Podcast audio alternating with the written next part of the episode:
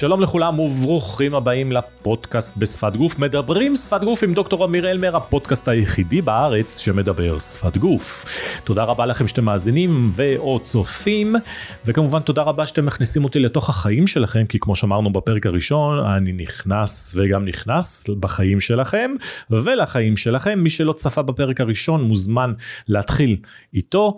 אנחנו בפרק הראשון דיברתי על איך הגעתי לשפת גוף, בפרק השני עכשיו אני אדבר על נושא של שפת גוף עצמו ועל התקשורת שלנו מהפרק השלישי ואילך אני אראיין תלמידים שלי, בוגרים שלי שמדברים שפת גוף וייתנו לכם הרבה טיפים, כל אחד במקצוע שלו.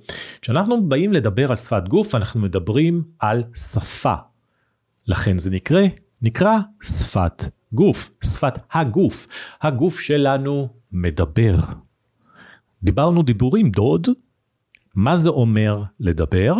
הוא מגיב והוא שולח לנו מסרים. בעצם זה לא הגוף שלנו מדבר, זה המוח שלנו מדבר. המוח שלנו מדבר, המוח שלנו מרגיש, המוח שלנו כל הזמן סוקר את הסביבה. והמוח שולח מסרים דרך המערכת העצבית לגוף, ואומר לו איך להזיז דברים, איך לנוע, איזה מסר להעביר, אם יש סכנה, אז ללכת אחורה, עכשיו, מבחינתכם כשאתם מקשיבים, אתם אומרים, טוב, זה מאוד הגיוני, מאוד טריוויאלי, אבל היכולת שלנו להבין את המסרים הזאת, לוקה בחסר. וחלק ממה שאני עושה, אני עובד עם כוחות הביטחון לחדד את המקומות אצלהם במוח שמזהים סכנה לפני שהיא נוצרת. וחלק מזה הוא מאוד מרכזי גם אצל מסתערבים וגם אצל שומרים, מאבטחים זה להיות בקשר עם הגוף. להיות בקשר ולראות את תנועות הגוף, כי הגוף מגיב לסביבה. ואנחנו רואים את זה הרבה פעמים שלפני סכנה, האיש, איש כוחות הביטחון זז אחורה, אבל הוא לא משנה את ההתנהגות שלו. כלומר, המוח שלו פירש את הסביבה כסביבה של סכנה, הוא זז אחורה, אבל לא עשה שום צעד להכניע את הצד השני. כי הוא עוד לא ראה בצד השני אקט של פעולה, אבל המוח זיהה את הסיטואציה. המוח שלנו כל הזמן מנטר את הסביבה שלנו. מנטר אותה לאיומים, מנטר אותה לדברים טובים גם, אבל בעיקר, בעיקר, בעיקר להימנע מסכנה. המטרה של המוח הוא לשמר אותנו, לשמר אותו, בין היתר גם לחסוך באנרגיה, כמובן. המוח שלנו שוקל קילו 300, קילו 400, של אנשים הוא קטן יותר, אבל איכותי יותר כמובן. והוא צורך חמישית מהאנרגיה של הגוף, 20 אחוז אנרגיה. אז ברור שאם תשאלו את המוח, מוח יקר, האם לעשות משהו כזה או אחר, מה המוח יגיד? לא, לא, אח שלי, שב בשקט, תחסוך לי אנרגיה. לכן לפעמים אנחנו צריכים ללמד את המוח שאפשר לעשות דברים שונה, ולפעמים אנחנו צריכים להקשיב למוח, כי הוא יודע מה הוא אומר, מה זה הוא, זה בעצם אנחנו. אז כשאנחנו מדברים על שפת גוף, שפת גוף היא שפת המוח בעצם. עכשיו, היא הרבה שפות, היא שפת האם הקולקטיבית. כי כל תינוק בעולם, לא משנה איפה הוא, איפה, שהוא, איפה הוא נולד, כמו שאמרתי לכם, הייתי בכמה ארצות, בכולם זה אותו מקום. ניגריה, אפריקה, חוף השנהב, אסיה, רוסיה, אוסטרליה, כל תינוק נראה אותו דבר, מתנהג אותו דבר. באיזשהו שלב, נכון, נכנס אפקט התרבות. אז תמיד אני אומר, אפקט התרבות הוא נע בין עשרה עד 15 אחוז משפת הגוף. כלומר, בכל מקום שאנחנו נהיה בעולם, אתם תוכלו להבין מה האדם רוצה, בלי להבין את השפה. ולכן, עדיין יש אפקט של, של אה, למשל, מרחב מחיה, זה לחיצות ידיים. זה דברים שבאמת שונים תרבויות, אה, שונים פר תרבות. אבל, תראו איזה קטע, בקורונה מה קרה? הדבר שהכי שונה גם הוא הפך להיות קולקטיבי. כי פתאום לא לוחצים ידיים, זה קולקטיבי, לא משנה באיזה מקום בעולם, או לוחצים עם המרפקים למשל, אז בכל מקום זה אותו דבר, ומרחב מחיה מהמרחב האישי, מהמרחב האינטימי הפך להיות שני מטר. בכל מקום בעולם. אז גם הדבר שהוא היה עד עכשיו יוצא דופן הפך להיות אותו דבר. אבל תראו איזה קטע, ברגע שהסתיימה הקורונה, זה חזר להיות כמו מקודם. שזה היה לי מאוד ברור, כי רובנו כאנשים, התנהגויות, אנחנו לא משתנים בהתנהגויות שלנו. ולכן נורא קל לקרוא אנשים. כן, כן. קל לקרוא אנשים כי אנחנו לא משנים התנהגויות. ברגע שזיהיתם מישהו ב baseline שלו, כלומר בהתנהגות הרגילה שלו, איך הוא כועס, איך הוא משקר, איך הוא צוחק, תמיד זה ייראה ככה. הוא לא ישנה את התגובות שלו, זאת התגובה שלו. באיזשהו שלב בחיים, שפת הגוף שלנו לא משתנית. בילדות אנחנו יונקים מההורים שלנו, הם האלוהים החיים שלנו, שנים מאוד חזקות ולכן הם באמת מעצבים את האישיות שלנו ואת השריטות שיש לנו לכל החיים, כי מה שהם אומרים זה בעצם הופך להיות חלק מהזהות שלנו. אחרי זה, בגיל ההתבגרות זה החברים שלנו, הסביבה שלנו, אחרי זה יש לנו את הצבא, את האוניברסיטה, ומשם והלאה, אנשים כבר לא משתנים בהתנהגויות שלהם. הם יכולים להשתנות בחזון שלהם, בערכים שלהם, בדברים שהם רוצים בחיים, אבל ההתנהגות שלהם תשאר בדיוק אותו דבר. אז שפת גוף היא שפה קולקטיבית, היא שפת האם הקולקטיבית, היא שפת התת מודע שלנו, כי אנחנו לא, יש דברים שאנחנו לא מודעים אליהם. היא שפה אבולוציונית, דברים שאנחנו, המוח האבולוציוני שלנו, כמו שאמרתי מקודם, מגן על, עלינו מימים ימימה. היא שפה שהיא באמת קשורה גם לתרבות, היא, שפת, היא השפה התרבותית, כלומר, היא שפה של הרבה דברים, ולכן נורא קשה גם לזייף בשפת גוף. כן, כן, קל לקרוא אנשים בשפת גוף, קשה לזייף בשפת גוף.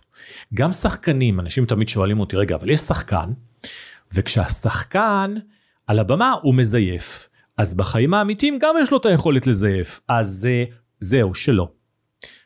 שחקן על הצבא, על הצבא אני אומר, על הבמה, משחק דמות. כשהוא יורד מהדמות, הוא יורד מהבמה, הכי קל לקרוא שחקנים. כי הם מאוד מאוד מאוד מאוד רגישים, והם הרבה פעמים גם מלאים באגו, ולכן נורא קל לקרוא אותם. לכן גם קל לקרוא פוליטיקאים. כי פוליטיקאים מלאים ב... נכון, באגו, ולכן קל לקרוא פוליטיקאים. אז הנה שמתם לב שאדם שמלא באגו, אדם שמפוצץ בעצמו, אדם שהוא נרקסיסט, אדם שהוא פסיכופת, אלו אנשים שיהיה מאוד קל לקרוא אותם. הרבה פעמים אומרים אי אפשר לקרוא פסיכופת. לא, קל מאוד לקרוא פסיכופת.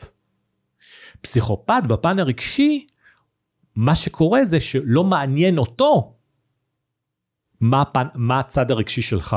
לא מעניין אותו לפגוע בך. אבל אותו קל נורא לקרוא. כי הדפוס הוא אותו דפוס. אז אנחנו נדבר גם על דפוסים וגם על נושא של סימנים מקדימים. אז לכן, שימו לב, כשאנחנו נדבר בשפת גוף, אני מדבר על המון אה, אה, אה, תחומי עניין, המון סוגי אנשים שאפשר לקרוא אה, דרכם שפת גוף, וגם שפת גוף קשורה לכל תחום בחיים. כלומר, בזוגיות שלנו, בבריאות שלנו, בהורות שלנו, בשכנות שלנו, בעבודה שלנו, בפרזנטציות שלנו. כל דבר שאנחנו עושים בחיים קשור בשפת גוף. בריאות שלנו, יש המון מחקרים שנעשים על זיהוי מחלות דרך תגובות גוף. אני אתן לכם דוגמה, למשל מהחיים שלי. אה, אבא שלי, זכרונו לברכה, היה לו פרקינסון. ופרקינסון, אצל כל אחד נראה קצת שונה, היה לו רעד ביד ימין, טיפ-טיפה, רעד ב- ביד ימין, שנים עוד לפני שגילו לו את הפרקינסון. עכשיו, לי היה רעד ביד ימין עוד מגיל 16. החברים בצבא, בצבא, עוד פעם אני צבא, צבא אצלי משמעותי כנראה, ואצלי אה, חברים בגיל 16 היו קוראים לי שייקינג סטיבן. היה זמר מאוד מפורסם שקראו לו שייקינג סטיבן, אז הם קראו לי שכאילו רועד, כי היו לי רעידות עד היום, כמובן, ברור, זה לא נעלם, תכף אני אסביר לכם למה היה לי רעידות ביד ימין. ובהתחלה הכחשתי את זה שיש לי בכלל רעידות, ואבנטשולי הבנתי שיכול להיות שזה פרקינסון. אבל אמרו לי איזה שטויות, פרקינסון אין לצעירים, יש רק למבוגרים פרקינסון. סיפרתי את זה לאימא שלי, שנים אחרי זה, והיא אמרה לי שפתאום היא נזכרת שבפעם הראשונה שאבא שלי חיבק אותה, שהם הכירו בגיל, במקרה ממש, בגיל 16, אבא שלי היה בגיל 16, הוא חיבק את אימא שלי, והיד, כשהוא חיבק אותה בגב, היא אמרה, הרגשתי שהיד רועדת. והיא אומרת לי, חשבתי שזה התרגשות. אמרתי לה, אמא, זה לא התרגשות. זה בדיוק מה שיש לי, ולדעתי יש לי פרקינסון. ואז אה, התחלנו לחקור, לא, אה, אה, לקרוא מחקרים, ואבא שלי היה כבר מטופל באיכילוב, והגענו למסקנה, גם הרופאים, ויש הרבה סוגי פרקינסון, ויש סוג מסוים של פרקינסון שעובר בתורשה, שהסימנים שלו הם באמת, רואים את הסימנים המקדום, המקדימים בגיל ההתבגרות. ממש בגילאי ה-16. העניין הוא שזה נשמר על רמה מסוימת, קוראים לזה, יש לזה גם שם, קוראים לזה גן העדן של פרקינסון, זאת אומרת שזה קיים, הוא לא משמעותי, בדיוק הרבה אין מה לעשות, הוא לא משמעותי, ומחכים ליום שהוא יתפרץ. אצל אבא שלי זה התפרץ בגיל 72, שהוא חווה, חווה איזה חוויה רגשית שם מאוד עמוקה, וזה התפרץ אצלו, הוא נפטר בגיל 84, לא מפרקינסון, וגם על זה עוד נדבר, אבל... אז זאת אומרת, אני עכשיו בידיעה כל הזמן שיש לי פרקינסון, הרבה אין מה לעשות, וכאילו בתת מודע כנראה אני מחכה לזה שיתפרץ, אבל הרעידה, אני מביא בעצם לנושא של שפת גוף, על זה אנחנו מדברים, שהנושא של הרעידה, זה נושא שאתה מסתכל על הגוף, והגוף אומר לך, יש לי משהו. תחשבו, אנחנו לא מרגישים טוב, הגוף מביע את זה. שרירים שנתפסים למשל. זאת אומרת, הגוף מדבר איתנו כל הזמן. עכשיו, ברגע שאנחנו מביאים את זה למודע, אז אנחנו יותר בהקשבה. לכן מהיום והלאה, כשאתם נמצאים בתקשורת מול אנשים, אתם צריכים לשאול את עצמם, להגיד, לתכנן את המוח, לא רק לשאול, לתת הנחיה למוח. מוח יקר שלי, תבד... אני רוצה לקרוא את שפת הגוף. אני רוצה שתשים לב לדברים שהמסר של מי שנמצא מולי הוא מסר לא מודע. עכשיו, כשאני מדבר על תקשורת ומדבר על שפת גוף, זה לא אומר שאני לא פוסל, שאני פוסל את החלק המילולי. ממש לא. החלק המילולי הוא מאוד חשוב, כי בחלק המילולי אני שומע את בית הילדות של, ה, של האדם. אני שומע באיזה, אילו מושגים הוא משתמש. אז אני יודע שככה ברוב הסיכויים דיברו ההורים שלו. אני שומע את העברית שלו, אני שומע את הטעויות שלו או לא טעויות שלו בעברית. אני שומע את הדעות שלו, את הערכים שלו. אנחנו כל הזמן מדברים את עצמנו. אנחנו גם מתרכזים מדברים שאצלנו.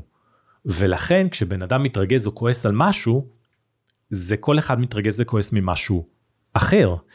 לכן הרבה פעמים אני אומר שאדם ניחן בכעסו, כעסו וכעסו. כן, כן, שמעתם נכון.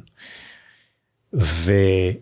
אני משתמש במלל, וזה מה שאני מדריך גם בכוחות הביטחון כשעושים חקירות, איך להשתמש במלל. מלל מפעיל תגובה גופנית, אני אומר משהו שמפעיל אתכם מבחינה גופנית, ולפי זה אני יכול לקבוע אם אומרים את האמת, אם משקרים, אם מתכוונים, אם מסתירים, זה לאו דווקא הכל אמת או שקר, אלא מתי זה לא נעים, מתי אתה רוצה לשמוע עוד משהו כדי שאני אשכנע אותך נכון. לכן כן צריך להקשיב מאוד מאוד חזק למלל. עכשיו שפת גוף זה עולם ומלואו, ובחרתי במקצוע מדהים, בפרק אחד שמעתם איך הגעתי לזה, וזה כל כך מרתק שכל יום אני, אני קם בבוקר ואני אומר, אמיר, אתה לא יודע שום דבר בשפת גוף, אני בחשיבה של שפע, שזה אומר, אני יוצא ליקום בבוקר ואני אומר, מה אני יכול ללמוד היום?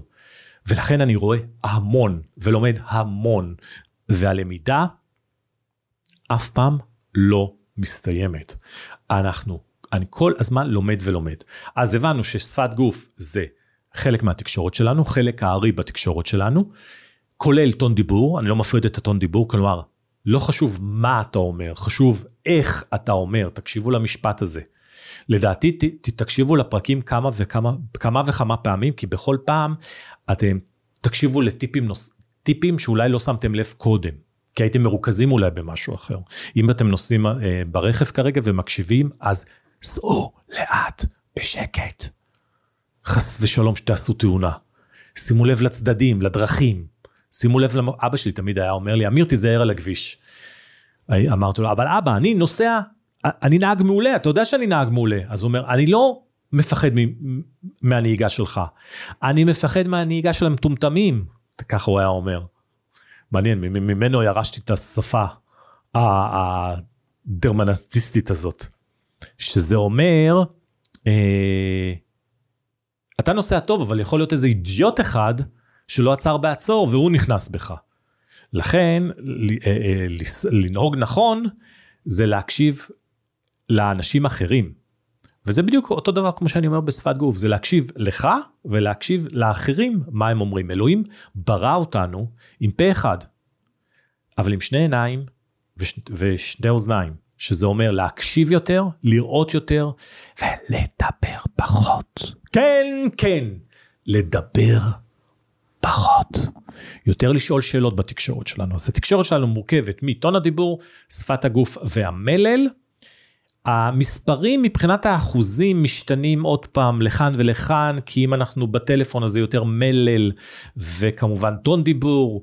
אם נחשוב שמי שנמצא מולנו עובד עלינו, אז המוח שלנו יסתכל על דברים כמו יותר שפת הגוף, הרבה יותר שפת הגוף, כי ברוב הפעמים כשאין הלימה בין המלל שאני אומר לאיך אני אומר את זה, אתה נתפס לא אמין, וצריך לשים לב לדברים האלה. תוך כדי אני חושב פתאום על, על זה שדיברתי מקודם על פסיכופטים, ואני צריך גם על זה לדבר איתכם.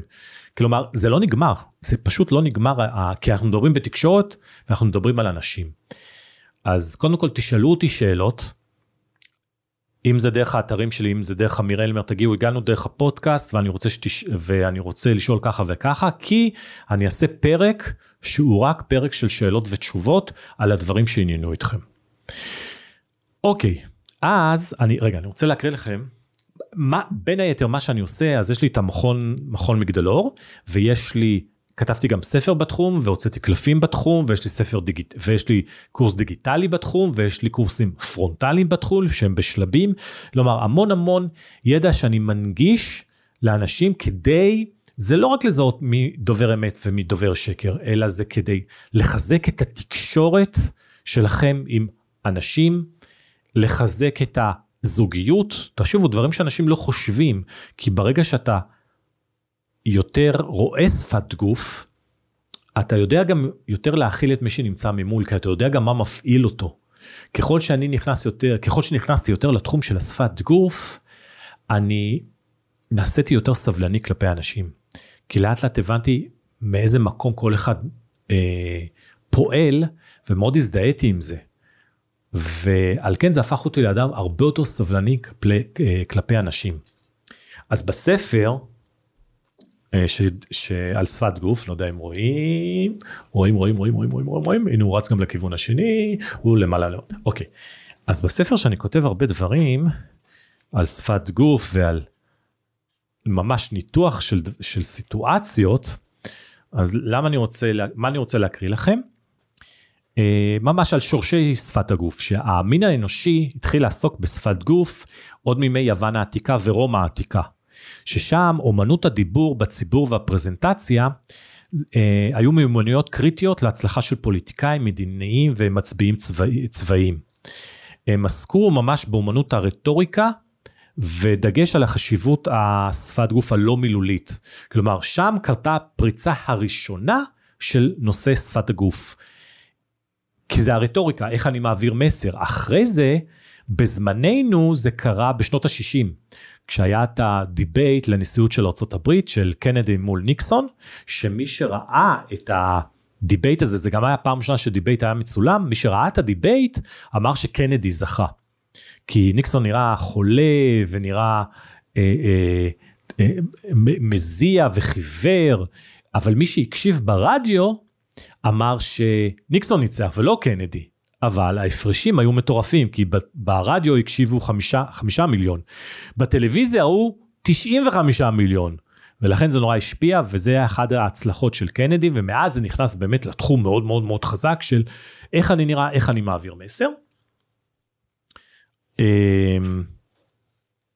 הנה בדיוק כתבתי. עכשיו שפת הגוף קשורה לתחומים, תמיד שואלים אותי על תחומים אקדמיים, ו... אז זה קשור להרבה תחומים אקדמיים, בעיקר לנושא של סוציאליזציה, זאת אומרת סוציולוגיה ופסיכולוגיה ופסיכיאטריה. זה שלושת התחומים, הדיסציפלינות המרכזיות שאנחנו מדברים בתקשורת אה, לא מילולית מבחינה, מבחינת הפן המדעי. וכן, שפת גוף היא אה, מדעית בדיוק כמו רפואה. כלומר, יש דברים שאנחנו יודעים, יש דברים שאנחנו לא יודעים, אותו דבר, יש דברים שאנחנו מנסים וטועים, ויש דברים שזה מנסים ומצליחים. בדיוק אותו דבר, זה ממש גם נקרא מדע קינסיקה, קינסיקה מלשון תנועה, איך הגוף נע, איך הגוף אה, זז. לשמחתי יש לנו המון מחקרים שנוגעים בעיקר בתחום של הפסיכיאטריה, פסיכולוגיה ורפואה. אה, יש מחקרים בודדים שממש מדברים על שפת גוף כשפת גוף. את רוב המחקרים אני קורא כמובן באנגלית ורובם נמצאים אה, גם באנגליה וגם בארצות הברית. טוב, מה רציתי עוד להקריא לכם אה, מתוך ה... למשל, בשנות ה-80 חקר פסיכולוג אמריקאי, בלום, קנדי, פול בלום, את תנועות עיניהם של תינוקות, בבחינת העיניים הם חלונות הנפש. העיניים הם, הם חלון הנפש. עכשיו, כשאנחנו מדברים בכל תרבות, בכל תרבות, העיניים הם מראה לנפש. גם בתרבויות, כשאנחנו היינו באפריקה למשל, והלכנו לראות אה, אה, ילידים, כי נכנסנו לתוך הג'ונגלים, שלא ראו אדם לבן, אני מדבר איתכם על תחילת שנות ה-70 של האלף הקודמת. שאני מדבר איתכם כמה, ש... זה, זה 40 שנה אחורה, 40 אה, ושנים שנים אחורה, התגובות שלהם היו בדיוק אותן תגובות.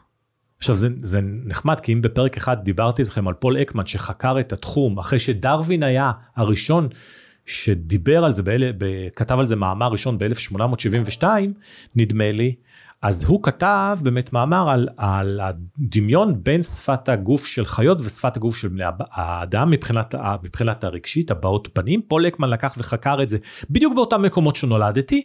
בלי שאני יודע כמובן איזה, כי אני הכרתי אותו אחרי הרבה שנים אחרי זה, נולדתי, גדלתי, נולדתי וגדלתי, ובדיוק זה מה שראינו, זאת אומרת, הרגש שהם הביעו כלפינו זה אותו רגש שאנחנו הבענו, היה אותו דבר, והם פעם ראשונה שהם ראו אדם לבן. אז אה, זה נורא, זה כל כך מעניין. אז גם שם, דיברתי על חלון הנפש, גם שם היו אמונות למשל, שכשאנשים בצבא, אה, נלחמים, עוד פעם צבא, צריך לעשות איזה עבודה, מה, למה הצבא חוזר לי? אנשים שנלחמים ומנצחים, הם אוכלים אחרי זה את העיניים, גם את הכבד, זאת אומרת, דברים מסוימים של האויב, כן, כן, כמו שזה נשמע, כי העיניים זה חלון הנפש, זה כאילו הם, הם אוכלים את הנפש של, של היריב שלהם ומתחזקים. אז בכל תרבות זה ככה. ו... אז למחקר קדמה הנחה שתנועות העיניים היא אחת ההתנהג... ההתנהגויות היחידות שתינוקות צעירים מסוגלים לשלוט. Uh, החוקר נכח שכאשר תינוקות רואים משהו מעניין, שימו לב, או מפתיע, הם נוטים להתבונן בו זמן ממושך יותר. זה, וזה מדד שנקרא זמן המבט. זה ממש מדד. עכשיו, את התינוקות אף אחד לא לימד מה זה זמן מדד. הם מבחינת, מבחינתם עשו, כי זה עניין אותם, עוד כתינוקות. עכשיו, לקחו את זמן המדד הזה ועשו על זה עוד הרבה מחקרים, ובאיזשהו שלב עשו את המחקר הזה כמחקר מתנבא לאנשים, לפוליטיקאים, לנסות לראות, להתנבא מי יזכה. והיה מחקר שבאמת עשו, שכשלקחו קבוצות של, הסתכלו, לא לקחו קבוצות, הסתכלו בעצם על אנשים ש... מול, פול, מול שני פוליטיקאים, והפוליטיקאי שזכה לזמן זמן מבט ארוך יותר, הוא באמת זכה בבחירות. מטורף, וזה הכל מוכח מחקרית. אז זהו, אז מה, עוד פעם, זה תחום הגוף שייך לתחום הסוציול... הסוציולוגיה. אה, זהו, זה מה שרציתי לקרוא לכם מהספר עצמו, יש פה עוד המון המון דברים, אבל זה כמובן, תקראו את הספר אז תדעו. אה, רציתי לדבר איתכם גם על המוח. עוד, הנה אני, אתם בטח שומעים את הדפדוף שלי, כי המוח שלנו מאוד, הרי אמרתי שהדבר המרכזי זה מה בין המוח, הנפש ושפת גוף. שהמוח הרי שם נמצא, נמצאת הנפש שלנו והשפת גוף שלנו, והמון אזורים מתייחסים לתנועות הגוף שלנו. אם יש לנו אזורים כמו המגדלה, שזה אזור מאוד אבולוציוני שבעצם מגן עלינו, וכל הזמן בודק טמפרטורה, בודק איומים בחדר, בודק איומים אה, פיזיים, וגורם, ואומר לגוף איך לפעול בהתאם. זאת אומרת, כל המקום הזה שאתם יודעים שנקרא שלושת ה-F'ים, flight, fight או freeze, זאת אומרת, אה, לתקוף, אה, לברוח או לקפוא, זה בדיוק המקום הזה שאומר, אם מישהו מאיים עליי, האם אני כופה, האם אני אה, בורח, האם אני מגיב. אה, אפשר לבדוק את זה גם סטטיסטית, כי סטטיסטית למשל נפגעות מינית, או נפגעים מינית, גם זכרים, ברוב הפעמים הם קופאים. זה דווקא הפריז, הם קופאים ומתנתקים מעצמם. אז האזורים במוח בעצם אומרים לנו איך לפעול, אמיגדלה, יש לנו את ההיפוקלמוס והיפוטלמוס ונושא של זיכרון ויש לנו את נוירוני מראה.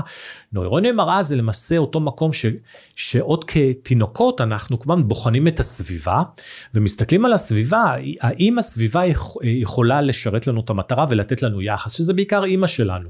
אז אנחנו בודקים ומנתחים את הבעות פנים שלה. ו... ואז לפי הבעות פנים שלה אנחנו יודעים גם איך לנסות לשכנע אותה על ידי הבעות פנים שלנו. תראו זה תהליך מטורף מורכב שקורה במוח שלנו ואנחנו כתינוקות. עכשיו יש תינוקות, ילדים, אחרי זה בוגרים, שנורא מראה, האזור הזה פגום אצלם. לא מפותח מספיק והם נמצאים ואז זה אומר שיש להם בעיה בתקשורת והם נמצאים על מנעד האוטיזם. יש אנשים שהאזור הזה מפותח ברמות היסטריות חוץ ממני כמובן, אבל ממש היסטריות, והם הפסיכופטים. הם מסוגלים לראות אותך, להבין אותך, לנתח את הסיטואציה תוך שניות מעטות, להבין מה אתה צריך, להדק את החגורה עליך, לתפוס אותך, וזהו, אתה אצלהם. ואם תשאלו הרבה אנשים שהם יוצאי אה, כתות, ששם זה ברור שכל מי שהוא בעל כת הוא פסיכופת, אתם תראו שדפוס ההתנהגות היא אותה דפוס. הם יודעים בדיוק מה חסר, ברוב הפעמים זה תמיד אותו דבר, כי חסר לנו יחס, חסר לנו מישהו שמקשיב לנו, חסר לנו מישהו שרואה אותנו. זה מדהים לראות את זה כל פעם מחדש, איך אני שומע ורואה את זה, וברגע שאתה נותן את זה, אנשים ילכו אחריך. זה דפוסים. דפוסים, ש... ולכן קל לקרוא אנשים, כי אנחנו פועלים לפי דפוסים אותו דבר, תחשבו, אתם מצחצחים שיניים באותו צד של ה... עם אותה יד תמיד, אתם נוסעים לעבודה תמיד, אם זו עבודה שבמשרד, אותו משרד תמיד מאותה, מאותו מקום, אתם תמיד ישנים במיטה באותו צד, תמיד אותו דבר, התגובות שלנו אותו דבר. לכן ברגע שאתה מזהה דפוס של בן אדם, זה הדפוס שלו. וסימנים מקדימים יש לגבי כל דבר בחיים, כי ברגע שאתה מזהה משהו שהולך לקרות, אתה יודע, כמו סימן מקדים של מזג אוויר, קיץ, חורף, סתיו, אביב, מזג, אה, אה, סימנים מקדימים של רעידת אדמה, תמיד החיות מרגישות את זה לפנינו למשל. אה, סימנים מקדימים שאתם יודעים איך התינוק לפני שהוא בוכה, לפני שהבעל אה, מעבה, אה, הבעל חוזר הביתה, אומר, אה, אשתי, תגידי, איפה ה... ואת כבר יודעת מה הוא איבד, זה תמיד אותו דבר, את אומרת לו מיד, זה על המקרר. את יודעת איפה זה. או דפוס של אה, רגע לפני שאשתך אה, אה, מתעצבנת, או רגע לפני שעה, אתה יודע מה התשובה שהיא מצפ, מצפה לשמוע. אתה, אתה מכיר את הסימנים המקדימים האלה. אז תדעו שיש סימנים מקדימים גם לאנשים שמתגרשים. רוב הפעמים שאני שואל, אנשים שמתגרשים, האם מתחת לחופה ידעתם את זה? רוב הפעמים אני מקבל, ממש, משהו בסגנון 90 אחוז, אם אני מקבל תשובה שכן, ידענו, גם אני, בנישואים הראשונים שלי, ואשתי תמיד אומרת, נישואים ראשונים וגירושים אחרונים תגיד. כי אני נשוי, זה הנישואים השניים שלי, ולא יהיו גירושים יותר. אז בנישואים הראשונים, עמדתי מתחת לפועה, והבנתי שאני עושה טעות. אז יש סימנים מקדימים לכל דבר, בין שניות, רגע לפני שמישהו נותן לך אגרוף, שזה שניות, ואתה יכול להתחמק, לבין שנים קדימה, שאתה גם יכול להתחמק, אם אתה יודע לזהות את הסימנים המקדימים. בשביל זה צריך להבין ולהתאמן על זה. אז יש לנו דפוסים, סימנים מקדימים, ו- והמון אזורים במוח שמשתפים פעולה כדי להגיע למצב שאנחנו יודעים לקרוא שפת גוף, לזהות שפת גוף, לנתח שפת גוף, וזה קשור גם להורמונים שאנחנו מפרישים, כמו אוקסיטוצין, שזה הורמון אהבה, שחייב להיות מופרש אצל התינוק, כי רק ככה הוא יודע, הוא ידע אחרי זה איך להרגיש אמפתיה כלפי האחר. ולכן ההענקה והמבט עיניים כלפי התינוק כל כך חשוב.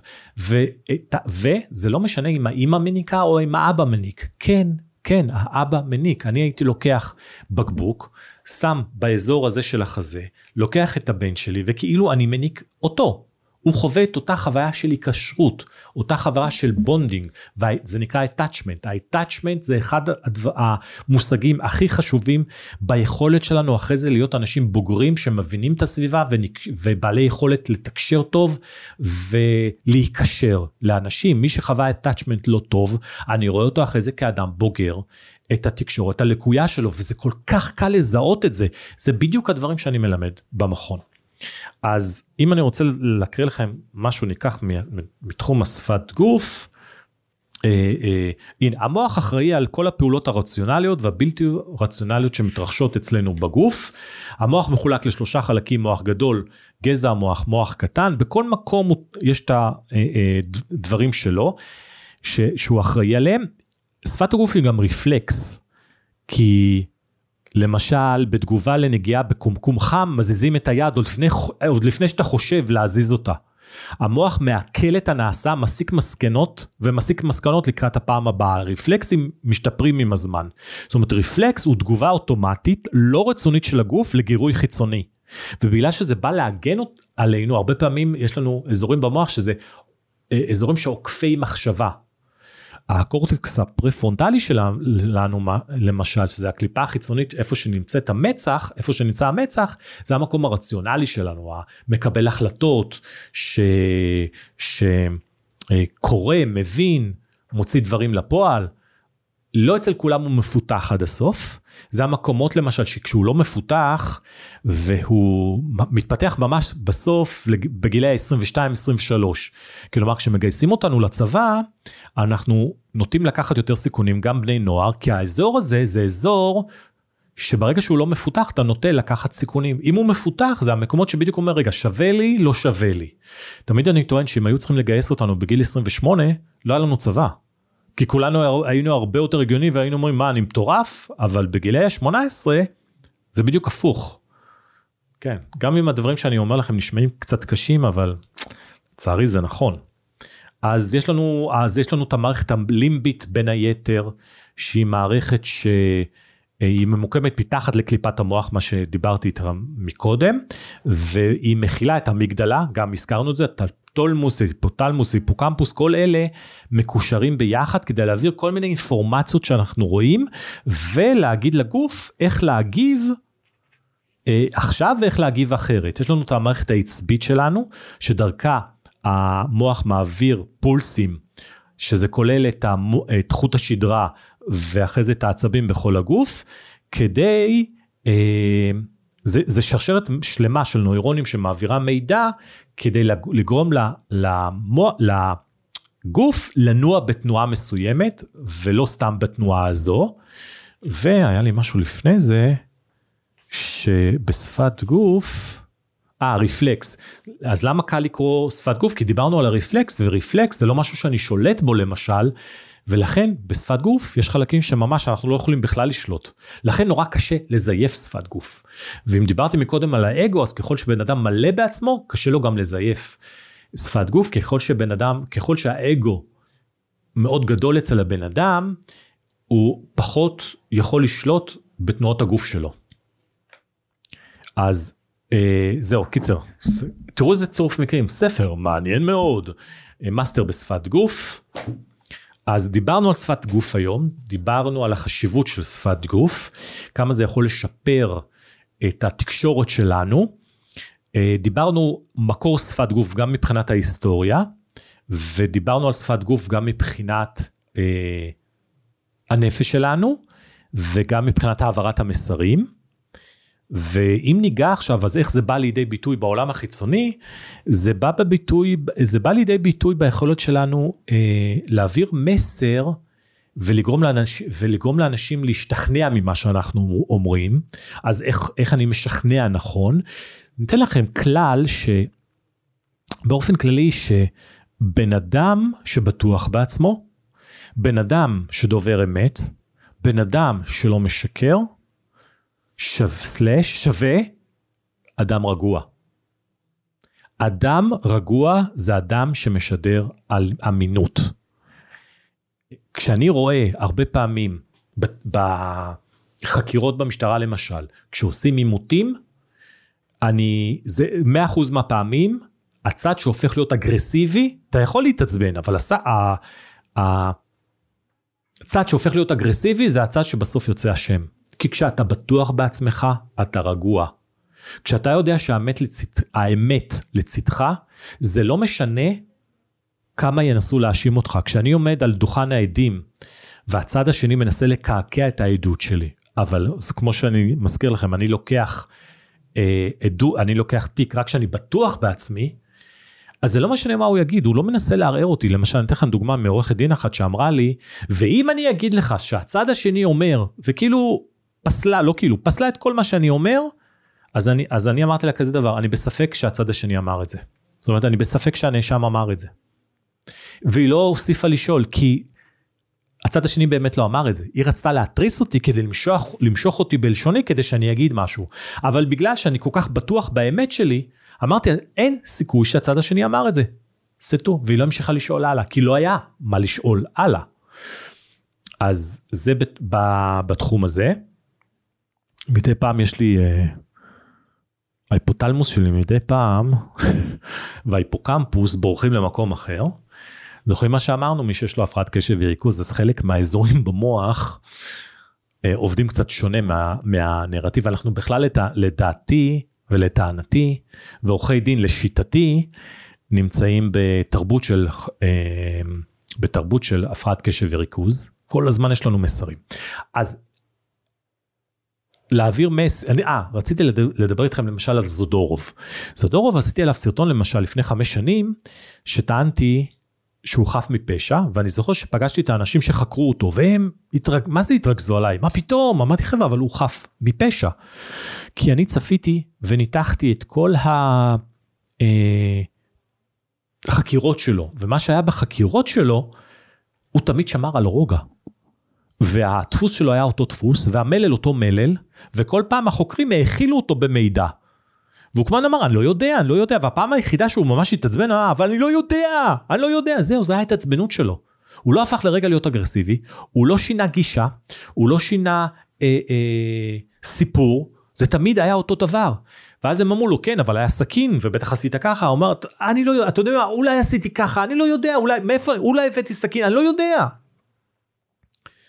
ובסוף של דבר מה שהוא רצה זה רק שקט ולכן אה, כי זה מאוד קשה להיות בחקירה אני ראיתי חוקרים שהפכו להיות נאשמים ונכנסו לחקירה והם משקשקים. אני ראיתי אנשי ציבור בכירים מאוד, כולל פוליטיקאים בכירים מאוד, שנכנסו לחדרי חקירות והפכו להיות עלה נידף. זה לא פשוט להיות בחקירה, בטח אם אתה לא רגיל לזה. אז על אחת כמה וכמה מישהו כמו זודורוב שעשו עליו קומבינה מטורפת, שהוא היה רק עולה חדש, לא הכיר את השפה, לא הבין אה, אה, כמה פולישטיקים עושים אצלנו במדינה, אז הוא מבחינתו רצה להודות, רק תנו לי שקט. אז א', אני שמח שסוף סוף שחררו אותו, אני, אני מחכה רק לז, שהוא יהיה זכאי. אז אני חוזר לשפת גוף, העברת מסר, ובפועל, אה, איך אנחנו אמורים להיראות כשאנחנו מעבירים את המסר. אני יכול לדבר המון, כמו שראיתם על שפת גוף, בלי לשתות מים, בלי לקחת אוויר, זה כל כך מרתק. דניאל, כמה זמן עבר? 42? רוצים עוד? 39. כל רגע שאני אשאל זה ילך וינמיך? אוקיי, אני אתן לכם עוד כמה טיפים ואז נסגור את הפרק הזה. כי, כי אני רוצה לשמוע את השאלות שלכם יותר. ואז אני אעשה פרק על שאלות ותשובות. אז באופן כללי, מה שאני ממליץ שאנחנו מעבירים מסר, לא לגעת בפנים, כי כל דבר כזה נראה לא טוב ומשדר דימוי עצמי וביטחון עצמי נמוך. לא לגעת בשיער, בעיקר נשים למשל. אה, לייצר כימיה, זה אומר קודם כל לא לאיים על הבן אדם. לתת לו הרגשה שהוא נמצא במקום טוב שהוא יכול לפתוח בו. ותראו, שפת גוף זה מאוד מסוכן. כי בעצם אני נותן לכם גם כלים, בכלים האלה,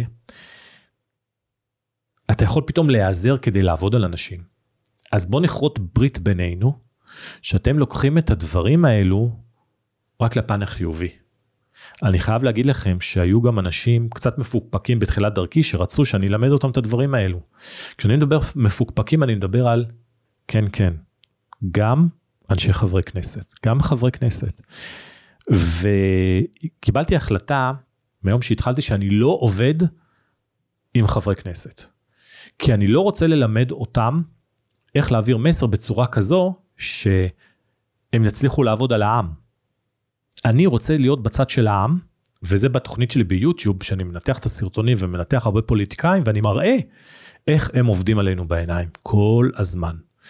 אז לפעמים אנשים אוהבים לראות את זה, לפעמים אנשים לא אוהבים לראות את זה, אבל כל עוד אני עושה, אני מראה את הימין, אז הימין כועס עליי, אני מראה את השמאל, אז השמאל כועס עליי, אני מראה את המרכז בקומבינות שהם עושים, אז המרכז כועס עליי, זה אומר לי שאני בדרך הנכונה. כי אני מראה בכל צד של הפוליטיקה, כולם כמעט לא יוצא מן הכלל. וכשכבר יש לנו מישהו שאני אומר איזה אישיות נהדרת, אז משלחים אותו כמו עופר שלח. בן אדם מדהים. הוא היה צריך להיות בפוליטיקה. הוא היה בפוליטיקה, לא להרבה זמן. אז, אה, והמבין יבין. אז זהו, אני, אני, אני אסגור את הפרק. אתם מוזמנים להקשיב לפרקים הבאים ולפרק ש... הקודם שהיה לנו, לעקוב אחריי ברשתות החברתיות, פייסבוק, אה, אינסטגרם, להצטרף לקהילה שלי, אה, לראות איך, איזה מהמוצרים מתאימים לכם כדי שתוכלו להמשיך ללמוד שפת גוף, אם זה הספר, אם זה הדיגיטלי, אם זה הפרונטלי, אם זה הקלפים, ולשאול אותי שאלות. ואני אשמח כמובן לענות לכם. תודה רבה על הצפייה, תודה רבה על זה שאתם מכניסים אותי לחייכם. אנחנו נתראה בפרק הבא, שקוייך, להתראות.